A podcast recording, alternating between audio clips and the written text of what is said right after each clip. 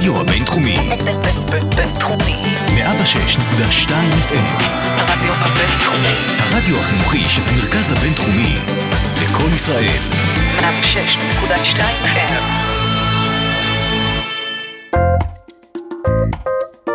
השעה הבינתחומית. פודקאסט שמחדד את המוח. עם שי קלוט.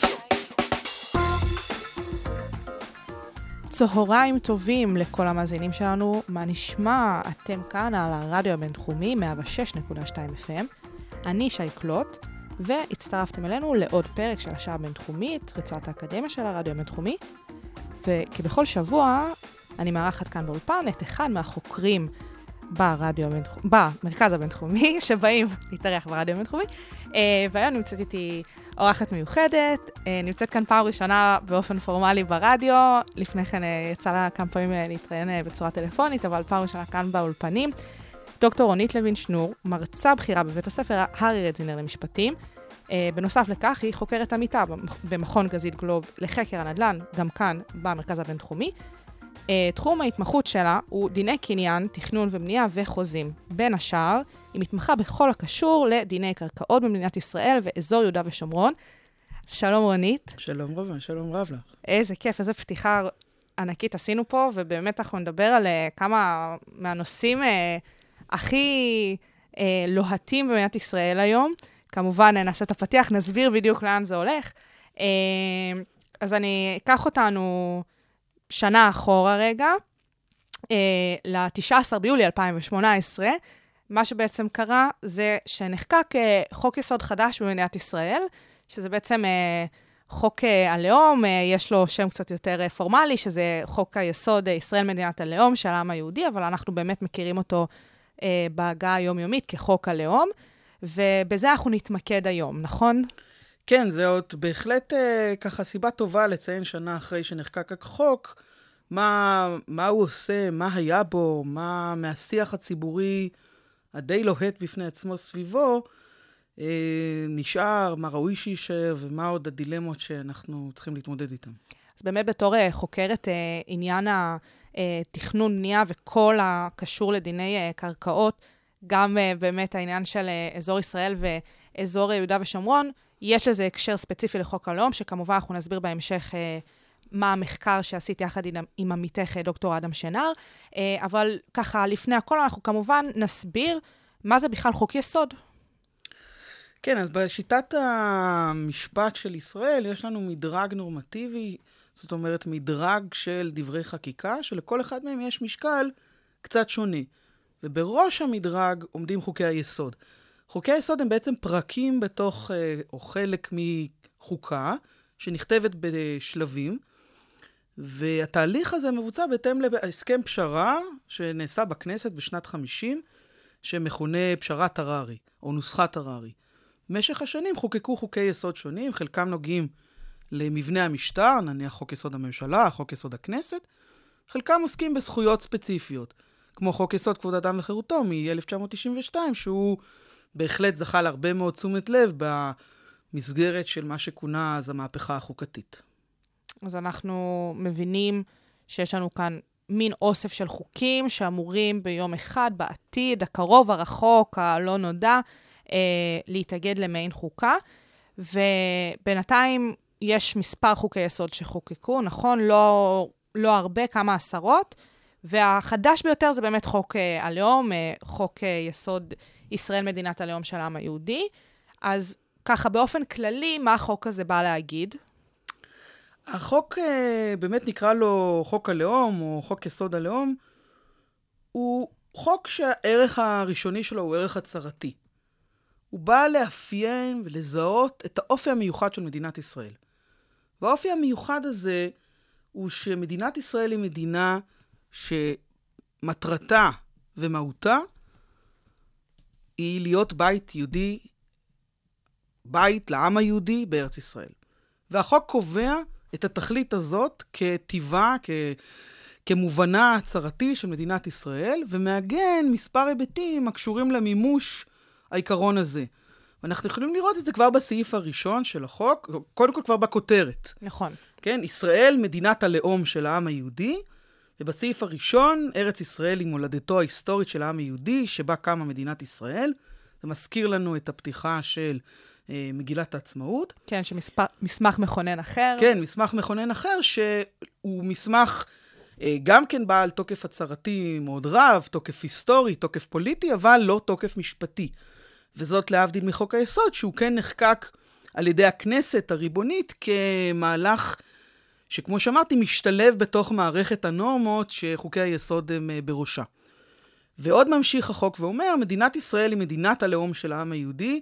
זאת אומרת, זו לא מדינה אה, ש- שאין בה העדפה לאומית, אלא יש בה העדפה לאומית, והעדפה הזאת היא לעם היהודי, ושבה, במדינה הזו, הוא מממש את זכותו הטבעית, התרבותית, הדתית וההיסטורית להגדרה עצמית. ולבסוף, בחלק האחרון של הסעיף הראשון נאמר, המימוש של הזכות להגדרה עצמית במדינת ישראל הוא ייחודי לעם היהודי. אבל לא זו בלבד שזו מדינת לאום, ומכאן גם זכויות וחובות מסוימות שנגזרות מכך, אלא שלאף לאום אחר, ובפרט כמובן לעם הפלסטיני, אין זכות למימוש עצמי כקבוצה בתוך מדינת ישראל. עכשיו, החלקים האלה בתוך הסעיף הראשון של עקרונות היסוד של אותו חוק יסוד, האם זו הפעם הראשונה בהיסטוריה המשפטית במדינת ישראל, שאותם עקרונות הללו אה, מוצגים, קיימים, עולים על, על הדפוס? אה, במובן, במובן מסוים כן, כלומר, כמו שאמרתי, אף על פי שמגילת העצמאות במידה רבה אומרת דברים דומים, אה, בכפוף לשאלה עד כמה יש כאן מחויבות לשוויון, למגילת העצמאות אין תוקף אה, חוקי.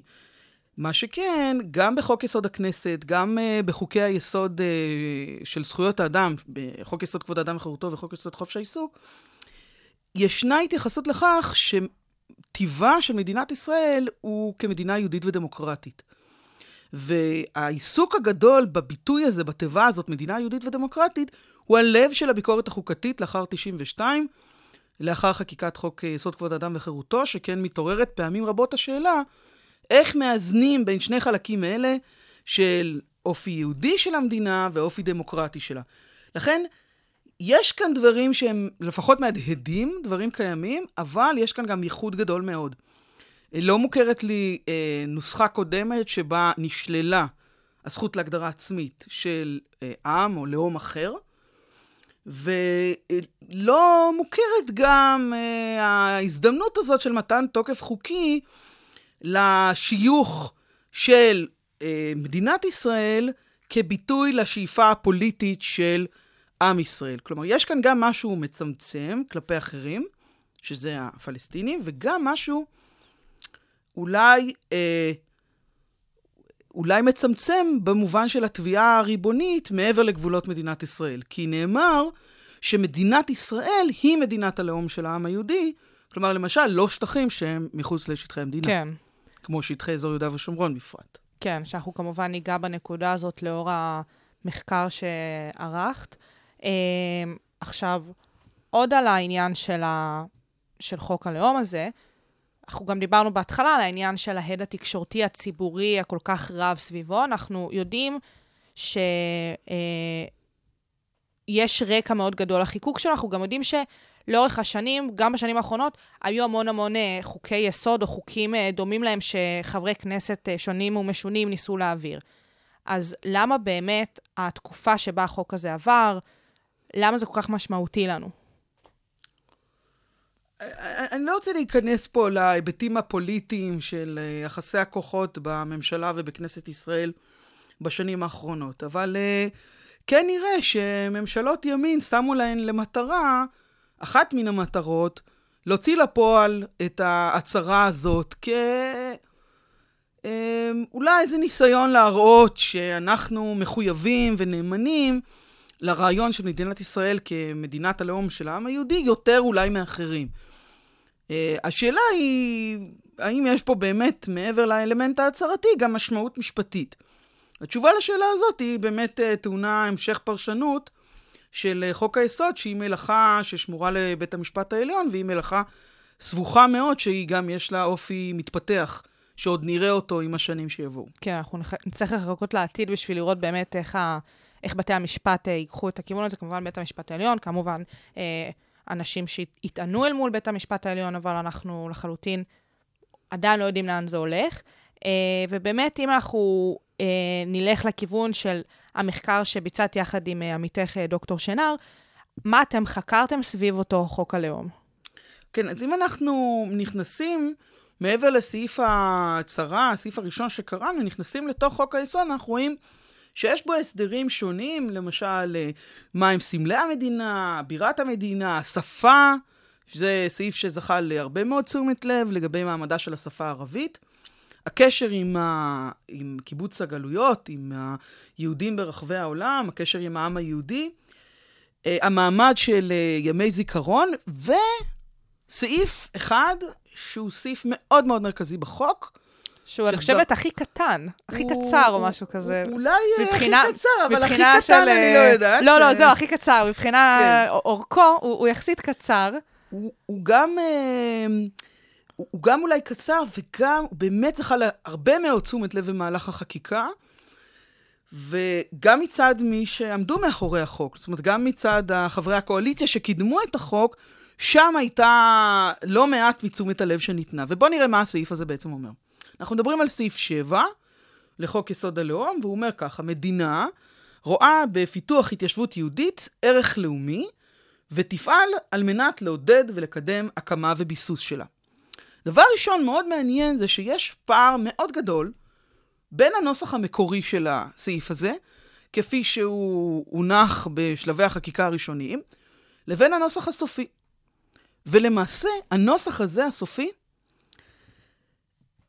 אה, בא לעולם יום או יומיים לפני שהחוק אושר. זאת אומרת, אנחנו יכולים לראות שמבחינת תהליך החקיקה עצמו, נעדר פה איזשהו עניין אולי של אה, הלך רוח, אה, של מאמץ מחשבתי, או באמת הבנה של מה יהיו ההשלכות של אותה חקיקה, של אותה שפת חקיקה שנבחרה בסופו של דבר. אולי כדאי גם לדבר באמת על מה היה סעיף, סעיף 7 המקורי, אולי כדאי גם באמת אה, לתת כך, כן, כך אז, מידע. אז באמת, אה, במחקר המשותף עם אה, דוקטור שינר, אנחנו השקענו הרבה מאוד מאמץ בלענות או לבחון את השאלה שעכשיו העלית, האם הליכי החקיקה היו ממצים?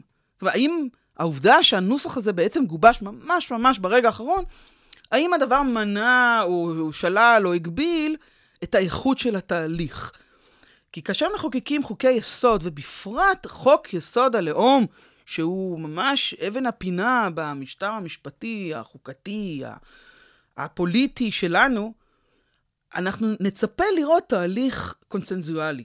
תהליך ששותפים לו חלקים גדולים, ודאי מהכנסת, גם מהציבור. ואז השיפט הזה ברגע האחרון, התנודה ברגע האחרון, מעוררת שאלה האם התהליך הזה יתקיים. אז בואו נראה מה, מה קרה בעצם. למה הסעיף היחיד ששונה, מהנחת ההצעה לקריאה ראשונה ועד לקריאה שלישית, למה הוא הסעיף הזה שאנחנו מדברים בו, סעיף 7? הסעיף המקורי נשא את uh, כותרת המשנה uh, הבאה, okay. אוקיי. שימור מורשת. שימור מורשת. לא התיישבות, ועוד הנוסח הסופי אומר התיישבות יהודית. התיישבות יהודית, אז אנחנו מדברים על בעצם הסעיף 7 המקורי לחוק הלאום, הוא שימור, שימור מורשת. מורשת. והוא אומר כך, כל תושב ישראל, ללא הבדל דת או לאום, זכאי לפעול לשימור תרבותו, מורשתו, שפתו וזהותו. ועוד הוא אומר, המדינה רשאית לאפשר לקהילה, לרבות בני דת אחת או בני לאום אחד, לקיים התיישבות קהילתית נפרדת. לחלוטין מדובר פה על דברים שקשורים לשימור מורשת, אה, והוא גם באמת מכיל דברים שאנחנו לא רואים בכלל בסעיף 7 שאושר. נכון. אז יש פה באמת אה, שני אלמנטים, אחד שקשור בהתיישבות, שזה בעצם הנושא שהשתמר גם בסעיף 7 בנוסחו הסופי, וגם עניין אחר שקשור באופן כללי ב- בזכות, כן, זה הלשון זכאי לפעול, בזכות לקיים ולשמר מורשת תרבותית. בואו בוא נעשה פה קצת, אה, קצת יותר עבודה.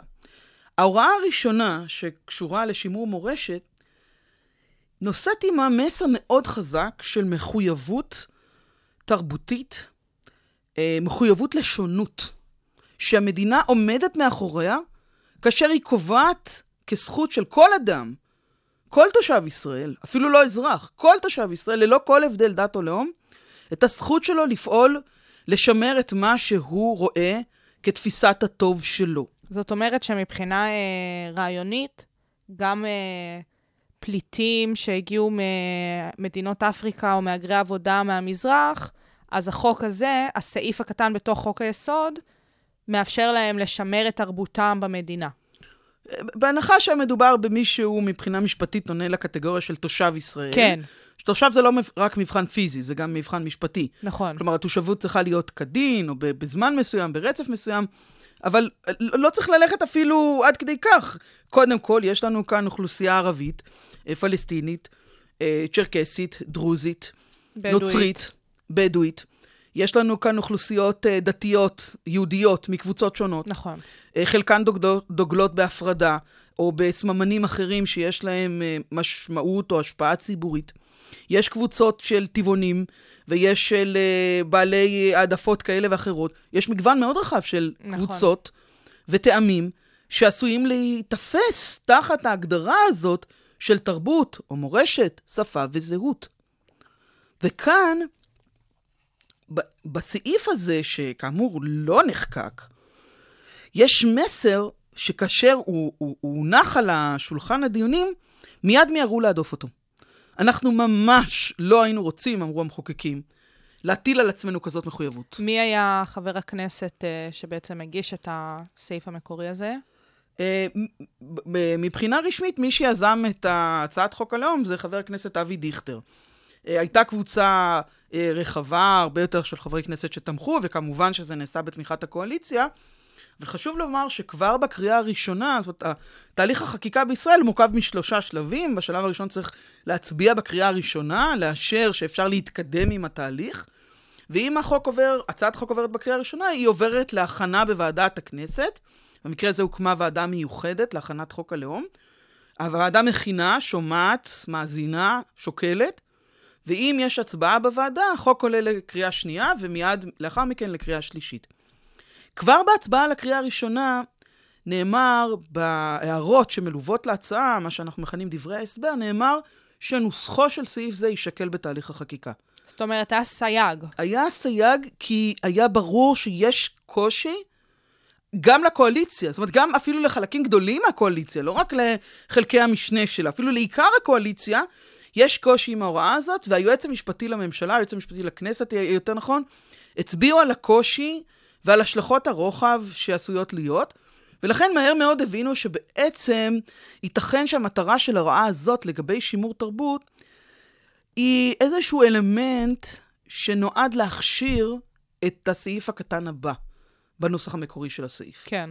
וזהו הסעיף שאומר שהמדינה רשאית לאפשר לקהילה, זאת אומרת, כאן אנחנו יוצאים מהיחיד, מהכל תושב לקהילה, לרבות בני דת אחת או בני לאום אחד, לקיים התיישבות קהילתית נפרדת. אז אנחנו נסביר עכשיו בדיוק מה זה בעצם אומר, ומה הבעייתיות באותו סעיף קטן ב', המקורי.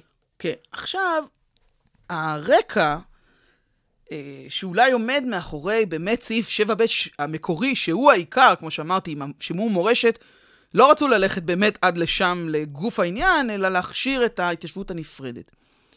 וברקע הדברים עומד פסק דין אה, קעדאן. בואי ניתן רגע רקע על אותו פסק הדין. זה פסק דין שהוא הוא ניתן ב, בשנת 2000, הוא מבוסס על אה, עתירה שהוגשה כמה שנים לפני כן, ב-95. במקרה שבו בני זוג, בני זוג קעדאן, ביקשו להיכנס ליישוב קהילתי. אה, ובשלב שבו הם הגישו מועמדות לקבלה ליישוב, אמרו להם, אתם לא יכולים, אתם לא יכולים להיות כאן. אתם לא יכולים להתקבל, יש לנו כאן ועדת קבלה. בעצם אותה ועדה לא הייתה מוכנה לקבל אותם. והוועדה בכלל לא, בכלל לא שומעת אתכם. זאת אומרת, היא, היא לא בוחנת אתכם ואתם באופן אישי, אה, עדל ואימן קעדאן, לא מתאימים. לא. אתם לא יוצאי צבא, ולמעשה אתם לא יהודים, לכן אתם לא יכולים להיות חלק מהיישוב. והם פונים לבית המשפט העליון, והמדובר בתקופה שלאחר חקיקת חוק יסוד כבוד האדם וחירותו, בתקופה שבה בית המשפט העליון, בהנהגת הנשיא ברק, מעצב את הזכות לכבוד וכנגזרת ממנה את הזכות לשוויון כאלמנטים שהם בבסיס שיטת המשפט הישראלית, הוא אומר, לפסול מישהו אך ורק משום שהוא לא יהודי, זה לא יכול להיות טעם מצדיק. בית המשפט לא אומר שלא תיתכן התיישבות שיש לה מאפיינים מיוחדים, שהיא מגבילה את אפשרות הכניסה של מי שאינו מקיים את אותם מאפיינים מיוחדים. הוא אפילו באיזשהו מקום רומז, הייתי אומרת, שלו היה טעם נוסף למעט היהדות שהיה עומד על הפרק, אפשר היה לשקול זאת. אבל במקרה שבפניו אומר, כל מה שמייחד את קעדן, את בני הזוג קעדן, זה שהם לא יהודים. זה טעם שהמטרה שלו היא להדיר אוכלוסיות מסוימות, ולא לאפשר ביסוס של קהילה שיש לה איזשהו אופי אינטגרטיבי שצריך לשמר אותו. וכאן בית המשפט גם מתייחס לפסק דין מאוד מאוד uh, מפורסם, פסק דין בראון האמריקאי, שבעצם שלל את המדיניות שהייתה רווחת עד uh, לאותו פסק דין, עד לשנות ה-60, של נפרד אבל שווה. לפי המדיניות הזאת נהגו, במיוחד במדינות הדרום בארצות הברית, להפריד בין לבנים לשחורים. באוטובוסים, בבתי ספר, במתן שירותים ציבוריים אחרים. ובאחד המקרים, לעניין אפליה בחינוך, באותה פרשת בראון שהגיעה לבית המשפט העליון, בית המשפט אמר, separate is not equal. אי אפשר להיות נפרד אבל שווה. ובית המשפט שלנו בעניין קעדן אומר, אני, אני מקבל את זה שזה מן הסתם נכון, שנפרד לא יכול להיות שווה, אבל אני משאיר, מה ששופטים קוראים לזה, אני משאיר בצריך עיון את השאלה, האם ייתכן שנפרד יהיה שווה כאשר הנפרד כשלעצמו מקבל טיפול ראוי. אז הוא אומר, אם היה למשל מצב שהיינו רואים שמדינת ישראל משקיעה בהקמת יישובים ערביים, יישובים נניח אפילו קהילתיים ערביים, ואז היא, היא, היא נותנת לכל אחד מה שהוא צריך, ומפרידה או מאפשרת הפרדה בין האוכלוסיות, אבל באופן שהוא לכאורה לא פוגע בשוויון, הוא אומר, אולי זה יכול להיות, אני לא צריך להכריע בזה כי זה לא המקרה. כי מדינת ישראל לא משקיעה בהקמה של יישובים ערביים, כי אין השקעה שווה בתשתיות, ולכן זה לא מדובר במצב של שווה, ולכן אפילו לא צריך לבחון האם נפרד אבל שווה יכול להיות. אז פסק דין קעדאן נתפס בציבור הרחב ככזה שלא מאפשר את היישובים הקהילתיים היהודיים. זה, זה, זה קצת נכון וקצת לא נכון. כי יש פה הרבה מעבר לכך. נכון, יש כאן בעצם אמירה של, שאם אנחנו מדברים על יישוב יהודי, שהיהדות היא חלק מן הצביון שלו, צביון שיישלל או ייפגע באופן מהותי בכניסתם של לא יהודים, זה אולי עניין אחד, אבל זה לא מה שקורה בפרשה של היישוב הקהילתי, מה שאז היה חריש, אחר כך uh, השתנה מעמדו. לאחר מכן, הכנסת מתקנת את החוק, במקרה הזה החוק נקרא פקודת האגודות השיתופיות, וקובעת מנגנון רשמי, מה שלא היה קיים עד אותה עת, כיצד יש לבצע את ועדות הקבלה. והיא בעצם אומרת, אפשר לבצע ועדות קבלה ביישובים, ביישובי פריפריה, שיש בהם עד 400 uh, אה, משפחות ביישוב. אפשר להקים בהם ועדה, החוק קובע מהו הרכב הוועדה, מהי הפרוצדורה, כלומר, יש לראשונה תהליך אה, שיטתי, סדור, גלוי לקבלת החלטות, והחוק הזה קובע, אותו תיקון לפקודת האגודות השיתופיות, קובע אין להפלות בכניסה ליישוב, בקבלה ליישוב, מטעמים חשודים, מטעמי מין, נטייה מינית, מצב משפחתי, לאום, גיל, מעמד וכולי. לצד זאת קובע החוק שאפשר להתנות קבלה ליישוב באמצעות ועדת קבלה בהתאמה למרקם החיים של הקהילה. אלא שהקביעה בעניין הזה צריכה להיעשות באמצעות איזושהי אמ, אמ, איזשהו מכון התאמה שיחווה דעתו לגוף המבקש המסוים, האם הדבר הזה מתאים. עכשיו, לאור החוק הזה שחוקקו, עדיין מדובר על חוק, ופעם נוספת הטענה של קעדאן באה לאור אה, חוק היסוד, כן? עכשיו, אה, האם פה עוד פעם אנחנו נכנסות למארג הנורמטיבי של החוקים בישראל, העניין המשפטי פה? האם עדיין אה, חוק היסוד לא מייתר את אותו חוק אה, אגודות שיתופיות שבכל זאת חוקקו במדינת ישראל? עכשיו את באמת, את, את, את, באמת אנחנו מתקדמים ומגיעים אל המקום הזה של העימות. אז יש לנו איזשהו פתרון חוקי אחרי פסק דין קעדאן, שהולך עם הרוח של פסק הדין ואומר, אפשר לא לקבל כל אדם ליישוב קהילתי, אפשר אפילו לעשות את זה מטעמי התאמה לקהילה, אבל לא רק בשל עצם השתייכות לקבוצה.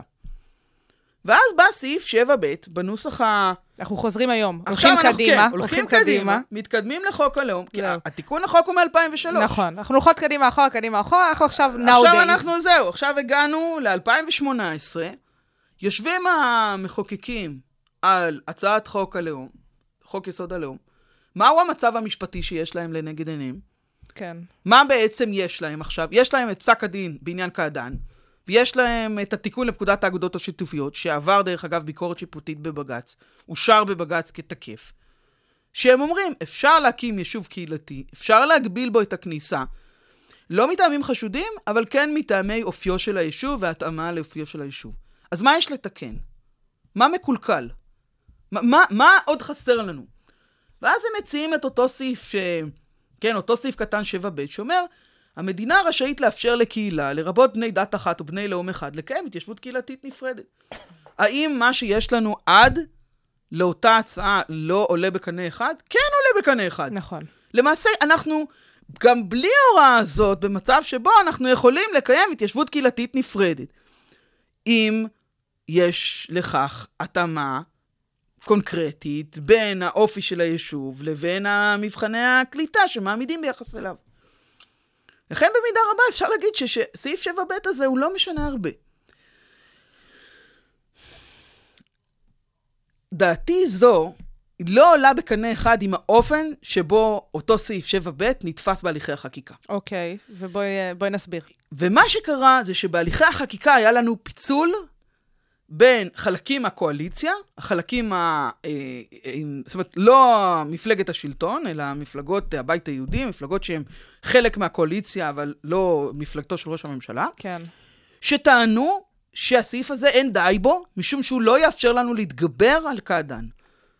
הוא לא פותר לנו את הבעיה, הוא לא מספיק נותן לנו את התשובה למה שאנחנו רצינו, שזה למעשה כאשר המדובר, כך לפי אותם קולות, כאשר המדובר בהתיישבות יהודית, היא צריכה להיות אה, כפי שיהודים מוצאים לנכון. וצריך את החיקוק הקונקרטי וצריך לקבוע את זה הזה? במפורש כדי להתגבר על בג"ץ. אם בג"ץ אמר לנו שנפרד הוא כנראה לא יכול להיות שווה, אנחנו צריכים להראות לבית המשפט שלא כך, נפרד יכול להיות שווה, אפילו אם הוא לא באמת שווה. זאת אומרת, אפילו אם אין את ה... ההסתייגות הזאת שצריך גם לתמוך בצורה שווה בתקציבים. מצד uh, השני, ש- אני לא אגיד שמאל, אבל כן, משמאלו של ראש כן. הממשלה, כן? החלקים האחרים בקואליציה. ח... או יותר נכון, אפילו באופוזיציה, אומרים, סליחה, אתם מבקשים פה לאפשר התבדלות, הפרדה, אה, פגיעה בחופש, בחופש הפרט, פגיעה באופי הליברלי, באופי השוויוני של מדינת ישראל.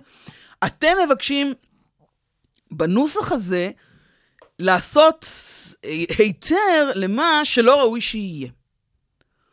ועם הוויכוחים האלה מימין ומשמאל, אנחנו נותרים ברגע האחרון, שרוצים מאוד לסיים עם הליך החקיקה לפני יציאה לפגרה, ב, בישיבה מרתונית שמתמשכת אה, כמה ימים ברציפות ממש, מגיעים עם הנוסח החדש של הסעיף, שמבטל את החלק הראשון שדיברנו עליו קודם, של שימור מורשת. זהו, אנחנו מדברות עד עכשיו עוד פעם לסעיף המקורי, עכשיו תופים, תופים, תופים. זהו, הגענו לחלק הסופי של החוק, אותה הצעה אחרונה, ועכשיו כל הקלפים נטרפו.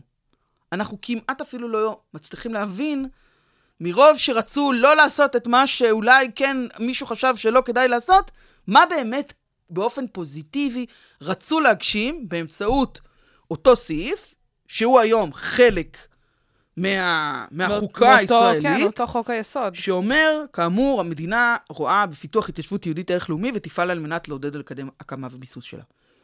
עכשיו שימו לב, בנוסח המקורי לא דובר בהתיישבות יהודית. נכון. בכלל לא היה שום דבר יהודי. בכלל לא, לא באמת דיברו גם על העניין הזה של ה... עוד פעם, באופן מפורש ההתיישבות היהודית, ופה זה, זה, זה כל אופיו של הסעיף. נכון. ופה זה כבר הוראה מסוג שונה לחלוטין. ו- ואי אפשר להסביר אותה בדיוק כמין שלילה של אותו פסק דין קעדאן. כי ברגע שההוראה הזאת נכנסה לספר החוקים, היא כבר מקבלת את אה, אופייה כפי שהיא מתוך עצמה. לא רק מתוך זה שהיא תשליל של מה שלא קיבלו. ועכשיו המלאכה, שהיא בסופו של דבר מלאכה פרשנית, שהיא נתונה לבית המשפט העליון, אבל היא גם נתונה לנו בציבור, שאנחנו מנסים להבין, או לנו באקדמיה, מה ההוראה הזאת אומרת, ומה אמ, הגיוני בעצם לראות בה. וההוראה הזאת בעצם משקפת אה, תשתית מושגית, קונספטואלית, מאוד מאוד יסודית במדינת ישראל. מאוד מאוד יסודית, יותר מאשר במדינת ישראל, בהיסטוריה של הציונות. ההבטחה לבית יהודי בארץ ישראל היא הבסיס הפוליטי של הציונות. נכון. ואני למשל הוצאתי ציטוט מתוך uh, תוכנית באזל, שהיא uh, סוכמה, היא, היא הפועל היוצא של הקונגרס הציוני הראשון, נכון. ושם נאמר כך, מטרת הציונות, וזה בפעם הראשונה שמנסחים את הציונות כתנועה פוליטית, מגדירים את מטרתה.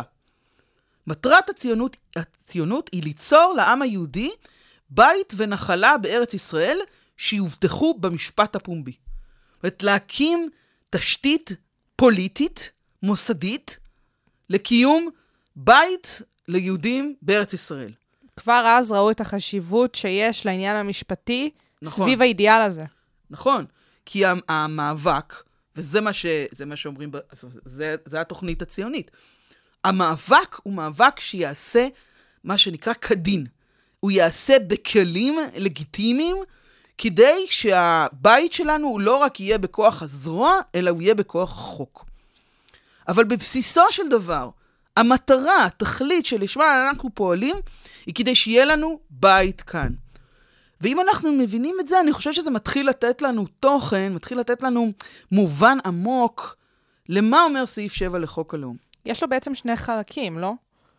יש לו בעצם שני חלקים שאני חושבת שיש כאן איזה מין תקבולת. זאת אומרת, יש שני חלקים שהם למעשה חוזרים אחד על השני.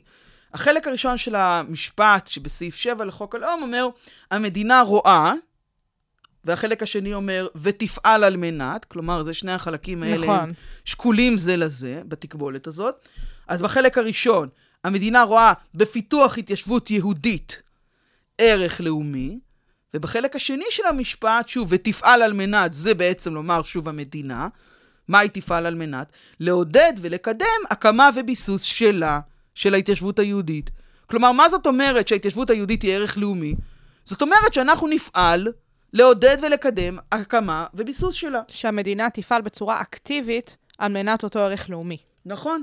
שהיא תפעל לקיים את התכלית הציונית של הבטחת מקום תשתיתי אה, ו- לאורך זמן, לדורות, שנותן ליהודים זכות גם פיזית, גם של החזקה בקרקע, אבל גם פוליטית. עכשיו, מהבחינה המשפטית של המשפט הזה, אה, של אותו ניסוח של הסעיף, אם אנחנו גם מסתכלים באמת על הדוקטרינה של הנפרד אך שווה, פה, יש פה ממש את עניין הנפרד, כן? כי באופן חד משמעי ולא משתמע לשני פנים, מדובר כאן באמת על ההתיישבות היהודית, וגם מדובר על העניין האקטיבי שהמדינה מוכנה לעשות לאותה מטרה של, שמעוגנת כערך לאומי. אז יש פה גם את העניין של הנפרד, ומה עם העניין של השווה? כי אמרנו שכל העניין בדוקטרינה זה שאם יש נפרד, הוא גם יהיה שווה, אבל פה בעצם אין שום נגיעה, וגם לא רוצים לגעת בעניין הזה של קידום התיישבות ערבית, ועידודה, בטח שלא בראי, ההתיישבות היהודית. כן, הדברים שאת אומרת הם דברים מאוד, אה, מאוד חריפים, שבאמת אה, היו הסיבה שבגללה ניגשנו לכתיבה של המאמר, אה, דוקטור שינר ואני, כי באמת יש לנו כאן מתח. מצד אחד, אנחנו, אנחנו אה, מבינים כקהילה, לא אנחנו באופן אישי, אנחנו מבינים שמדינת ישראל היא מדינה שאופייה הוא בית לאום לעם היהודי. נכון, אין לכך עוררין. זה, זה ה... זו לא מדינה ככל המדינות, אמרו לנו תמיד. מדינה יהודית היא מדינה שהתיישבות יהודים היא בעריה ובשדותיה וב- ובחוצותיה, אמר לנו השופט ברק. כי כך, כך הם הדברים. נכון. יחד עם זאת, במסמכים היסטוריים קודמים, למשל בכתב המנדט ובמגילת העצמאות, לצד המחויבות להקמת בית לאומי לעם היהודי בארץ ישראל, בד בבד עם אותה מחויבות, בבחינת מחויבות כפולה, ובה ההתחייבות לנהוג בשוויון כלפי מי שאיננו יהודי. נראה למשל את הציטוט מכתב המנדט. ממשלת ארץ ישראל, זאת ממשלת המנדט, זאת אומרת, הממשל, הממשלה המנדטורית, הממשלה הבריטית שהותקנה בארץ ישראל בהסכמה בינלאומית, כן? זה אותו משפט פומבי שדיברו עליו בקונגרס הציוני. זה היה מימוש של התוכנית באזל. ממשלת ארץ ישראל בהבטחה, בהבטיחה שזכויותיהם ומצבם של חלקי אוכלוסייה אחרים לא ייפגעו לרעה, זה התנאי, תעודד, תוך שיתוף פעולה עם הסוכנות היהודית, התיישבות צפופה של יהודים על הקרקע, לרבות אדמות המדינה. זאת אומרת, ההתחייבות הכפולה הזאת היא בבסיס ההסכמה שניתנה במשפט הפומבי לרעיון הציוני. ומדינת ישראל מכירה בזה ברגע היווסדה, כאשר במגילת העצמאות נאמר, מדינת ישראל תשקוד על פיתוח הארץ לטובת כל תושביה. עוד פעם, מדובר על כל התושבים, אין התייחסות ספציפית ל- נכון. ליהודים או לערבים, ממש כל התושבים. ויחד עם זאת, אנחנו יודעים כבר לגבי מגילת העצמאות, שאף אחד לא התכוון שמה שאנחנו רוצים, התכלית הפוליטית שלנו כארגון, היא ליישב את הכל ללא הבחנה. נכון. זאת מעולם לא הייתה המטרה שלנו. אבל גם, אה, גם מתוך ההתחייבות הציבורית, הבינלאומית, וגם אולי אפילו מתוך, יש שאומרים תפיסה יהודית של שוויון, יש שאומרים תפיסה של מחויבות דמוקרטית. המחשבה שצריך לנהוג ביחס שווה לאחרים, שאינם יהודים, הייתה בבסיס. ועכשיו עולה השאלה, האם סעיף 7 סוטה מהמחויבות הכפולה? האם סעיף 7, אשר לא אומר באותה כפיפה, וזאת תוך שמירה על זכויותיהם של כל מי שאינם יהודים, ולא אומר פיתוח הארץ לטובת כל תושביה, הוא לא אומר את זה. האם הוא אומר שלא? כלומר, האם הוא פשוט שותק בעניין הזה, משום שבמקום אחר מוסדרת ההתחייבות לשוויון, או שמא הוא אומר, מעתה ואילך, מה-19 ביולי 2018, מפסיקים לשחק את המשחק של השוויון. אבל העניין הזה עם העניין של השוויון שכן מוסדר במקום אחר, שזה מן הסתם עניין מגילת העצמאות, אנחנו כל הזמן חוזרות ואומרות את זה, שמגילת העצמאות היא לא מסמך משפטי. נכון, אבל השוויון מוסדר במקום אחר. באמת, אם הייתי צריכה להיבנות במגילת העצמאות, הייתה לי בעיה. נכון. אלא שהשוויון מוסדר בחוק יסוד כבוד אדם וחירותו. בדרך עקיפה. עכשיו זאת באמת שאלה, זו שאלה שאנחנו עוסקים בה 25 שנים, אבל אני חושבת שיש לנו תשובה די ברורה. העניין הוא כזה, חוק יסוד כבוד האדם וחירותו איננו כולל את הזכות לשוויון.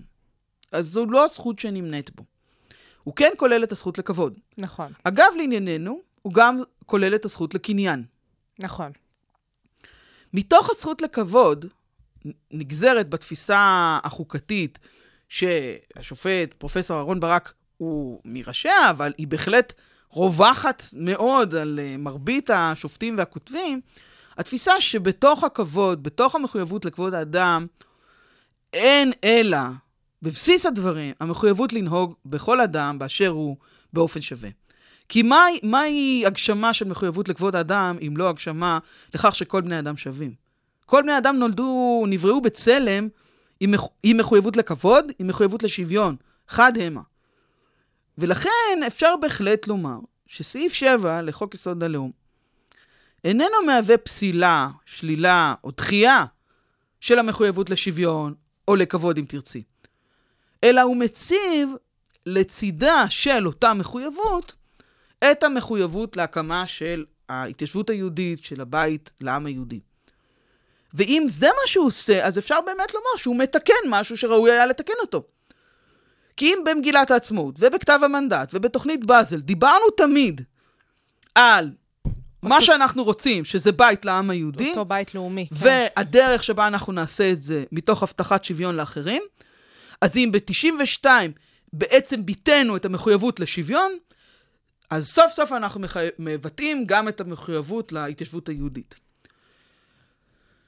הפרשנות שאני אה, ככה, במסגרת אותו מאמר דוקטור שנה מנסה באמת לתת, היא שאנחנו לא יכולים לומר באופן שמשקף את האספירציות הפוליטיות, ההיסטוריות והתרבותיות שלנו כמדינת ישראל, אנחנו לא יכולים לומר שהתיישבות יהודית היא לא בראש מעיינינו. זה פשוט לא נכון. נכון. התיישבות יהודית, כלומר, מקום העומד לטווח ארוך, ומאפשר ליהודים באשר הם לגור ולקיים את חייהם באופן חופשי, היא המטרה של מדינת ישראל והיא המימוש של התוכנית הציונית. האופן שבו יש לממש את ההתחייבות הזאת צריך להיעשות בהתחשב בתנאי הארץ וסביבתה. הוואי אומר, התחשבות בכל אדם באשר הוא, כשהוא חלק מהתושבים, האזרחים במדינת ישראל. לכן אני חושבת שמצד אחד, לא יכולתי לצפות שהמחוקק שלנו יהיה ניטרלי לגבי השאלה של התיישבות יהודית. נכון, זה להיות נאיבי באיזשהו זה, מקום. זה להיות נאיבי, וזה גם לא לשקף את, ה, את המוסד הפוליטי. המוסד הפוליטי הזה, וכל אחד ודעותיו, אני חושבת שטוב מאוד שכך, הוא נותן מקום לעם היהודי שהיה נרדף בארצות העולם, לקיים פה מערכת יחסים פוליטית, שהיא מאפשרת לו לממש את, ה- את הזהות העצמית שלו. כן. השאלה היא, האם המחויבות הזאת היא מנביאה או מה- מכריחה אותנו לעשות אותה באופן שהוא פוגע בכבוד ובשוויון של אחרים. עכשיו, פה ישנו מתח בשאלה האם אפשר לנהוג במישהו בכבוד אם כל מה שאנחנו מספקים לו הוא זכויות אינדיבידואליות.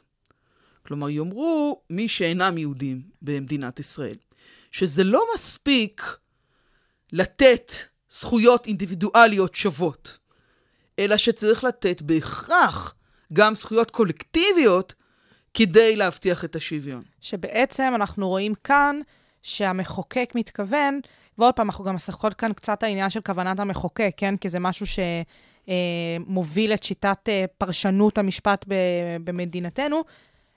כאן כן המדינה מספקת את אותן זכויות קהילתיות לעם היהודי, בהכרח. כאן, כאן המדינה אומרת, אנחנו מחויבים להתיישבות יהודית. את אמרת זכויות קהילתיות, אז זכויות קבוצתיות. קבוצתיות. למשל, יכולה להתעורר שאלה בתוך הק- הקבוצה היהודית, האם סעיף 7, למשל, מאפשר הקמה של יישובים יהודיים חרדיים, כן. נניח? האם הוא, הוא מאפשר גוונים מסוימים ביהדות מתוך מימוש של התיישבות יהודית? זה מתח פנימי בתוך הקבוצה היהודית. כן, הסעיף לא אומר דבר לגבי התיישבות שאיננה יהודית, ולשיטתי, מכיוון שזה כפוף לחובה, חובת הכיבוד של השוויון והכבוד, זה לא מאפשר פגיעה בשוויון, אבל אנחנו חוזרים לבעיה, או ל... לא יודעים לבעיה, אבל המאפיין המרכזי של חוק היסוד, שהתייחסנו אליו בראשית הדברים. והוא שנאמר בעקרונות היסוד, שמימוש הזכות להגדרה עצמית לאומית במדינת ישראל ייחודי לעם היהודי. סעיף 7, שעוסק בהתיישבות יהודית, הוא ביטוי של אותו עקרון יסוד.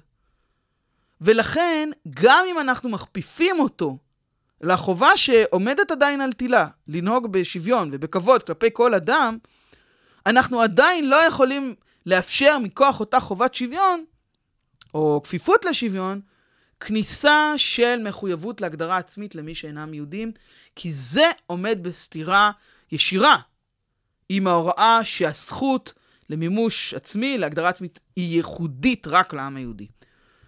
ולכן באיזשהו מקום אני אה, יכולה להחזיר את הדיון לשאלה הזאת. ו, ופה אני חושבת שאפשר לומר שיש קונצנזוס אה, די רחב, אה, גם, גם משמאל, שחי בשלום עם ההוראה הזאת. והראיה שלא הייתה על כך הרבה ביקורת בכנסת.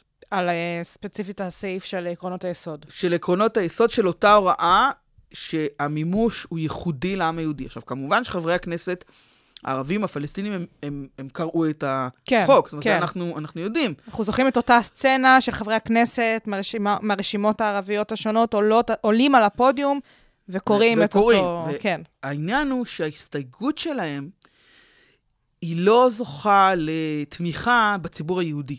ההסתייגות בעניין הזה, האם מדינת ישראל היא מדינה שראוי לאפשר בה גם זכות להגדרה עצמית למי שאינם יהודים? וזאת בהחלט שאלה שאנחנו ככה פתחנו אותה, אנחנו שמנו אותה, אבל אנחנו, עד כמה שהיא קשה לנו, נצטרך להשאיר אותה גם למאזינים, לחשוב מה, מה דעתנו, האם זה, זה הכרחי לעתיד של מדינת ישראל, שהיא תמנע את הזכות להגדרה עצמית של מי שאיננו יהודי. האם זה נכון לה למדינה? האם זה הכרחי לה? ובאיזה מחירים הדבר הזה כרוך? אז אנחנו באמת גם אה, שולחות את המאזינים שלנו למעין תרגיל מחשבתי. כן. סביב, סביב השאלה אה, הזאתי באמת. אה, עכשיו, מבחינת המחקר שערכתם, אותו מאמר אה, שכתבתי יחד עם אה, עמיתך אה, דוקטור שנר, אה, דיברתם גם על העניין הזה של התנגשות בין זכויות וערכים. נכון? וגם גם כמובן בהקשר של אה, אותו חוק הלאום, וגם במעין אה, סקירה ספרותית של הנושא הזה. אז איפה אנחנו באמת רואות את הנושא הזה נכנס לתוך הסיפור של סעיף 7? אמ, באמת השאלה היא, מה, מה זאת אומרת שהמחוקק אומר לנו שזה ערך לאומי? האם יש לנו עוד ערכים לאומיים? למשל, האם ערך לאומי של לנהוג בכל אדם כנברא בצלם זה גם משהו שאנחנו מזדהים איתו? איפה בעצם הרשימה? זהו, מה זה אותו ערך לאומי הזה שגם באמת אה, נמצא באותו אה, סעיף 7? כן. ממש בנוסח של אותו סעיף. ו- ומה זה? זאת אומרת, האם, כמו שאת אומרת, האם יש רשימה, האם יש הגדרות מדויקות, איך זה עובד? אנחנו באמת אה, מאוד התלבטנו וניסינו לראות אם, אה, אם ישנם במקומות נוספים, אם ישנם במקומות נוספים במשפט הישראלי, שבית המשפט מסביר לנו מהם הערכים הלאומיים שלנו. אז אנחנו מכירים שפה קודמת מחוקי היסוד של 92, מחוק יסוד כבוד האדם וחירותו וחוק יסוד חופש העיסוק, של אה, תכלית ראויה. נכון. אז שם יש לנו, הלב של הביקורת החוקתית, ההגנה על הזכויות האדם, היא בכך שהדבר ייעשה בחוק ומתוך תכלית ראויה ובמידה שאינה עולה על הנדרש. והתכלית הראויה היא תכלית ההולמת את ערכיה של מדינת ישראל כמדינה יהודית ודמוקרטית. ובכן, מהם ערכיה של מדינת ישראל כמדינה יהודית ודמוקרטית? או, אז אנחנו יכולים להגיד שערכיה של מדינת ישראל כמדינה יהודית, זה בין השאר, או בראש ובראשונה, התיישבות יהודית. אבל מה הם ערכיה האחרים? למשל, ערכיה הדמוקרטיים של מדינת ישראל. ואנחנו בהחלט אה, מזהים את הבעיה הזאת. אנחנו מצביעים על חוקים אחרים, מעט מאוד דרך אגב, שבהם דובר על ערך לאומי. למשל, נאמר, עתיקה, כן, אה, דבר שיש לו ערך אה, ארכיאולוגי, היסטורי, אה, ייתכן שיש לה ערך לאומי. ראינו עכשיו טיוטות בעם של אה, אה, מגילת העצמאות, שהיה עליהם סכסוך, האם הם שייכים ליורשים של מי שניסח בביתו את אותן טיוטות, או שהן שייכות למדינת ישראל. למדינה עצמה ממש. אה, רק לאחרונה אה, יצאו לאור אה, הכתבים הגנוזים של קפקא, במשפט שהתנהל במשך הרבה מאוד שנים לגבי אה, עזבונו של נכון. מקס ברודי, שאותם אה, יצירות ספרותיות של קפקא אה, נשמרו על ידיו בהתאם לצוואתו של קפקא. וכן, אז אנחנו מבינים, יש ערכים לאומיים במובן התרבותי, במובן ההיסטורי, מה הם ומה המשמעות של ערך לאומי. מה שאני מציעה אה, לראות, באמת ככה, גם לסיום העניין הזה, שבעצם לומר שהתיישבות יהודית במדינת ישראל היא ערך לאומי, אני חושבת שזה צריך להיות לגמרי בקונצנזוס. זו באמת המשמעות הפוליטית, המשפטית, הנורמטיבית של מדינת ישראל. לטוב ולרע, לאוהבים ולשונאים. זה האופי של המדינה. וכשהיא לא תעשה את זה, דרך אגב, בהחלט תתעורר שאלה מי המדינה הזאת שתיוותר, אם המחויבות שלה להתיישבות יהודית תיפסק. לצד זאת, המובן שצריך לייחס להתיישבות יהודית צריך להיות הזה שתובע כמה שפחות פגיעה בשוויון ובכבוד של מי שאיננו יהודי. ולכן אין הכוונה צריכה להיות שמעתה מותרת התיישבות נפרדת, שאין לה שום טעם והצדקה אלא כדי להדיר את מי שאינו יהודי. אין הדבר יכול להצדיק לטעמנו את הקביעה שניתן לתת תקציבים אך ורק ליישובים יהודיים, ליישובים שיש בהם רוב יהודי, או אך ורק יהודים, ולא ליישובים אחרים. כי אם מדינת ישראל רוצה לעודד התיישבות, ומה שחשוב לה, הטעם ההצדק... ההצדקתי, המוטיבציוני של המדינה, הוא התיישבות יהודית, אם היא עושה את זה כערך לאומי, אבל היא כפופה לערכים אחרים, אז היא צריכה את כל הפעולות שלה, שמקיימות ומקדמות את ההתיישבות היהודית, לעשות באופן שהוא מה שאנחנו מכנים אותו leveling up, גם למי שהוא איננו יהודי. ולכן אם יש לנו למשל הטבת מס לאזורי עימות, אז לא ייתכן שרק מי שהוא יישוב שמרבית תושביו יהודים, יקבל את אותה הטבת מס. נכון. אפילו שהטבת המס מעודדת התיישבות יהודית.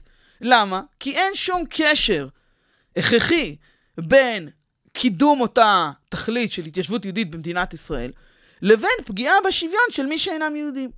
לכן אני חושבת שהרעיון שאנחנו מציעים הוא שהטעם שעומד בבסיס סעיף 7 הוא טעם הצדקתי, הוא מסביר את הלמה. למה במדינת ישראל חלקים מהתקציב מיועדים לנושא התיישבות. למה מדינת ישראל משקיעה משאבים לאומיים בכספי המיסים בתכנון, בפיתוח, בהקמה של יישובים. למה? כי בית לעם היהודי זאת המשימה שלנו. באיך, איך נעשה את זה? איך נגשים את התכלית הזאת? נעשה את זה בכפוף לאילוצים, מה שאמרו לנו בתוכנית באזל שהובטחו במשפט הפומבי, אז המשפט הפומבי שלנו עכשיו זה המחויבות לשוויון.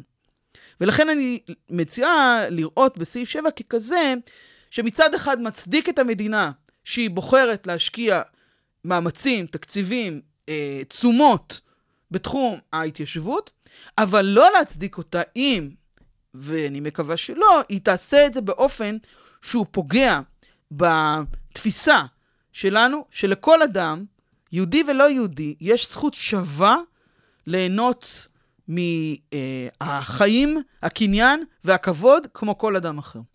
ללא הבדל אה, דת, דת, גזע, גזע, מין וכולי. וכולי. עכשיו, אנחנו באמת לאורך כל התוכנית הזאת מדברות על ה... אין מה לעשות, על הבעיות שעולות מהניסוח, מהדרך, מהתוצאה האפשרית. עכשיו, נשאלת השאלה, איפה בית המשפט העליון יכול להתערב, כן? כי עוד פעם, גם אמרנו ממש בהתחלה, שעד שזה לא יגיע לבית המשפט העליון, אנחנו לא נדע. אה, אנחנו צופים פני עתיד מהבחינה הזאת של אה, לדעת מה הולך להיות. אה, אז באמת, ככה, מהבחינה החוקית, מה בית המשפט העליון יכול לעשות אל מול אותו סעיף או אל מול אותו חוק? אה, בשלב הראשוני יש כרגע די הרבה עתירות שהוגשו כנגד החוק. אה, בטענה שהחוק הוא אה, לא יכול היה להיחקק, כיוון שהוא מהווה תיקון חוקה, תיקון חוקתי, שאיננו עולה בקנה אחד עם התפיסה החוקתית שלנו. מה שהעמיתי, דוקטור יניב רוזנאי, מכנה תיקון חוקתי שאיננו חוקתי. זו דוקטרינה בפני עצמה, בעצם. זו דוקטרינה בפני עצמה, והיא אה, מאוד אה, מרכזית בשיח על הלגיטימיות של חוק היסוד. ההנחה שלנו היא שנשים את הדיון הזה בצד, כדי שבית המשפט יפסול חוק יסוד, אפ- אפילו, אפילו אם הוא מקבל עקרונית את הדוקטרינה. כן. שזה אפשרי, צריך להיות אה, איזושהי מחויבות מאוד מאוד עמוקה של בית המשפט לתקן משהו שהכנסת מקלקלת. ואני ח- חושבת, מעריכה, שזה לא יהיה המקרה. ולכן, אם העתירות האלה לביטול החוק, החוק היסוד, לא יתקבלו, בית המשפט יישאר בכל מקרה נתון שיובא בפניו עם השאלה, האם ההתנהגות, ההתנהלות של המדינה מוצדקת מכוח אותו סעיף 7 לחוק היסוד, או בנוגע להסדרים אחרים של חוק היסוד. זאת אומרת, בראייה שהיא יותר אה, מינהלית בהכרח, או לאו דווקא, לאו תמיד דווקא. העניין החוקתי... אנ- אנחנו אה, יכולים לחשוב עכשיו על, אה, על חוק חדש שייצא, תיקון לחוק, תיקון לחוק ועדות קבלה. שיגיד, לאור העובדה שנחקק כעת סעיף 7 לחוק יסוד הלאום, אנחנו עכשיו מבקשים לבטל את אותו סעיף שדיברנו עליו בתחילת הדברים, שאומר שבקליטה ליישוב, בוועדת קבלה, אסור להפלות מטעמי גת, אה, גזע, דת ומוצא ולאום. כן. ועכשיו יבואו מחוקקים ויניחו על שולחן הכנסת בקשה לתיקון החוק ויצדיקו את עצמם בסעיף 7. ואז אם התיקון הזה עובר, פה יהיה מדובר בתיקון לחוק, לא בתיקון לחוק יסוד, נכון. נכון. שלגביו ההתערבות של בית המשפט מוגבלת יותר. ובהתערבות בחוק, בית המשפט יצטרך לשאול את השאלה, האם התיקון הזה הוא חוקתי או לא חוקתי? וכאן הוא יצטרך לאזן בין שתי מחויבויות. האחת, מחויבות חוקתית אחת שבחוק יסוד הלאום, ומחויבות חוקתית אחרת שבחוק יסוד כבוד האדם וחירותו. עכשיו, לכן הביקורת יכולה להיות גם ברמה החוקית, כבר אמרנו על הרמה החוקתית, גם ברמה החוקית וגם ברמה המינהלית.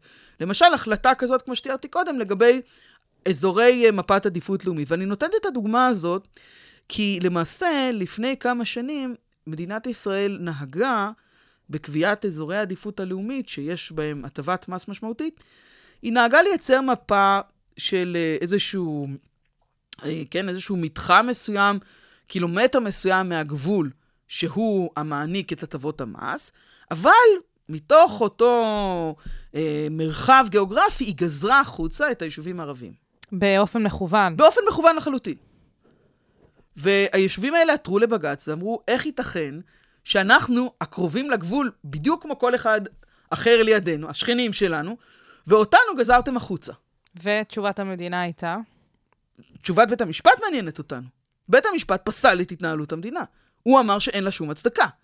שלא משנה מה המדינה תטען, לא יכול להיות שתהיה אפליה בין יישובים רק על בסיס זה שהם יהודים וערבים. זאת אומרת, האפליה פה כל כך ברורה וכל כך מורגשת, שזה באמת, אי אפשר לטעון אל מול זה. אי אפשר היה להסתיר את זה או לשקר לגבי זה.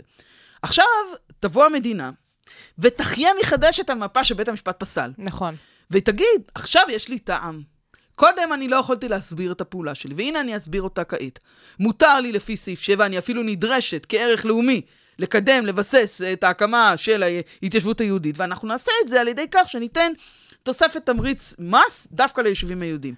אני, אני אה, מקווה, חושבת, זה הטיעון שניסינו לבסס, שסעיף 7 לא אומר את זה. הוא לא נותן את הכוח לקדם את ההתיישבות היהודית באופן של פגיעה בשוויון. אלא הוא אומר, אם אנחנו כל כך רוצים לקדם התיישבות יהודית, את זה אנחנו צריכים לעשות, ואם זה תובע מאיתנו לתת יותר למי שמלכתחילה לאו דווקא התכוונו לתת לו, זה מה שצריך לעשות. אז בעצם אה, אולי צריך להסתכל על הסעיף הזה, הזה לאו דווקא כפגיעה בזכויות שמי שלא יהודי, אלא לדוגמה, עכשיו צריך להוסיף מיטות בבתי חולים במיון, אבל עכשיו יש לנו את הסעיף הזה של חוק היסוד, והמדינה מחליטה יותר להקצות משאבים לכיוון הזה של ההתיישבות והעניין של המקרקעין, ולא לעניין, לדוגמה, של הזכות לבריאות של כל האזרחים, אולי גם היהודים? תראי, אם, אם היינו מדברים על זכות לבריאות, הייתי מתחילה להתווכח איתך על זה. אבל הנקודה שאת נוגעת בה היא נכונה. היא מסבירה למה המדינה בכלל יכולה להשקיע מאמצים תקציביים בהתיישבות. כי אולי יש מקומות אחרים בעולם שזה לא מובן מאליו שהדבר הזה בכלל יקרה. כן. מה פתאום המדינה נותנת הטבות מס ליישובים? מה פתאום המדינה משקיעה בתשתית של הקמת יישוב? אבל תחשבי על זה אפילו בדברים כאילו יותר עדכניים. נניח יש לנו נושא של התחדשות עירונית. האם לסעיף 7, שמדבר על הערך הלאומי של התיישבות נכון. עירונית, יש בכלל קשר, נניח לתוכנית מחיר למשתכן, או פרויקט של אה, השקעת משאבים בהתחדשות עירונית. ו- ויש פה שאלה, יש פה באמת שאלה פרשנית. אני חושבת, הניסיון שלנו לומר, מדינת ישראל צריכה לאפשר מספיק מקום טוב ליהודים ולצרכים שלהם להתממש. ואם זה אומר, למשל, שהיא צריכה להשקיע משאבים ציבוריים בהתחדשות עירונית, מהטעם הזה, כן. כדי שתהיה תשתית לקליטת יהודים, בסדר, אבל זה לא אומר שאז אם יש התחדשות עירונית ב- ב- בעיר ערבית, את מה שהיא השקיעה מבחינת תקציבים, משאבים ציבוריים ביישוב היהודי, היא לא תשקיע ביישוב הערבי. למה? אין שום קשר לזה. במילים אחרות, או בצורה קצת יותר מסודרת, הטענה היא שמה שמצדיק את הפעולה לא אומר שהיא צריכה לחול באותה מידה על כולם. אז ל- תחשבי נניח מצב שיש לך שני ילדים, נכון. וילד אחד הוא מתקשה, אוקיי. וכדי לעודד אותו, את רוצה לתת לו איזשהו צ'ופר. נניח איזה מדבקה. נכון, ילדים מאוד בסדר. שמחים עם מדבקות. כן, אתה גיבור. סטיקר, כן. כן. כאילו, סטיקר שאת גיבורה. עכשיו, הילדה השנייה, היא בסדר. את, את, את, אין לך איזה משהו מיוחד לגביה. את לא צריכה לקדם אותה במיוחד. היא בפני עצמה. היא, היא במסלול שלה. אבל ברגע שאת תחליטי לחלק את הסטיקר הזה, את תהיי חייבת לחלק אותו לשניהם. למה? כי אחרת מה שאת תעשי, זה את באופן יחסי תפגעי במי שאת לא נתת לו. מלכתחילה לא הייתה לך סיבה, מלכתחילה, שהניעה אותך לתת את הסטיקר לילדה האחרת. אבל אם את כבר החלטת לתת למישהי, אז את תתני לכולם, כדי שאף אחת לא תבכה בסוף היום אה, כשהיא חוזרת הביתה. שזה לחלוטין ההסבר ה...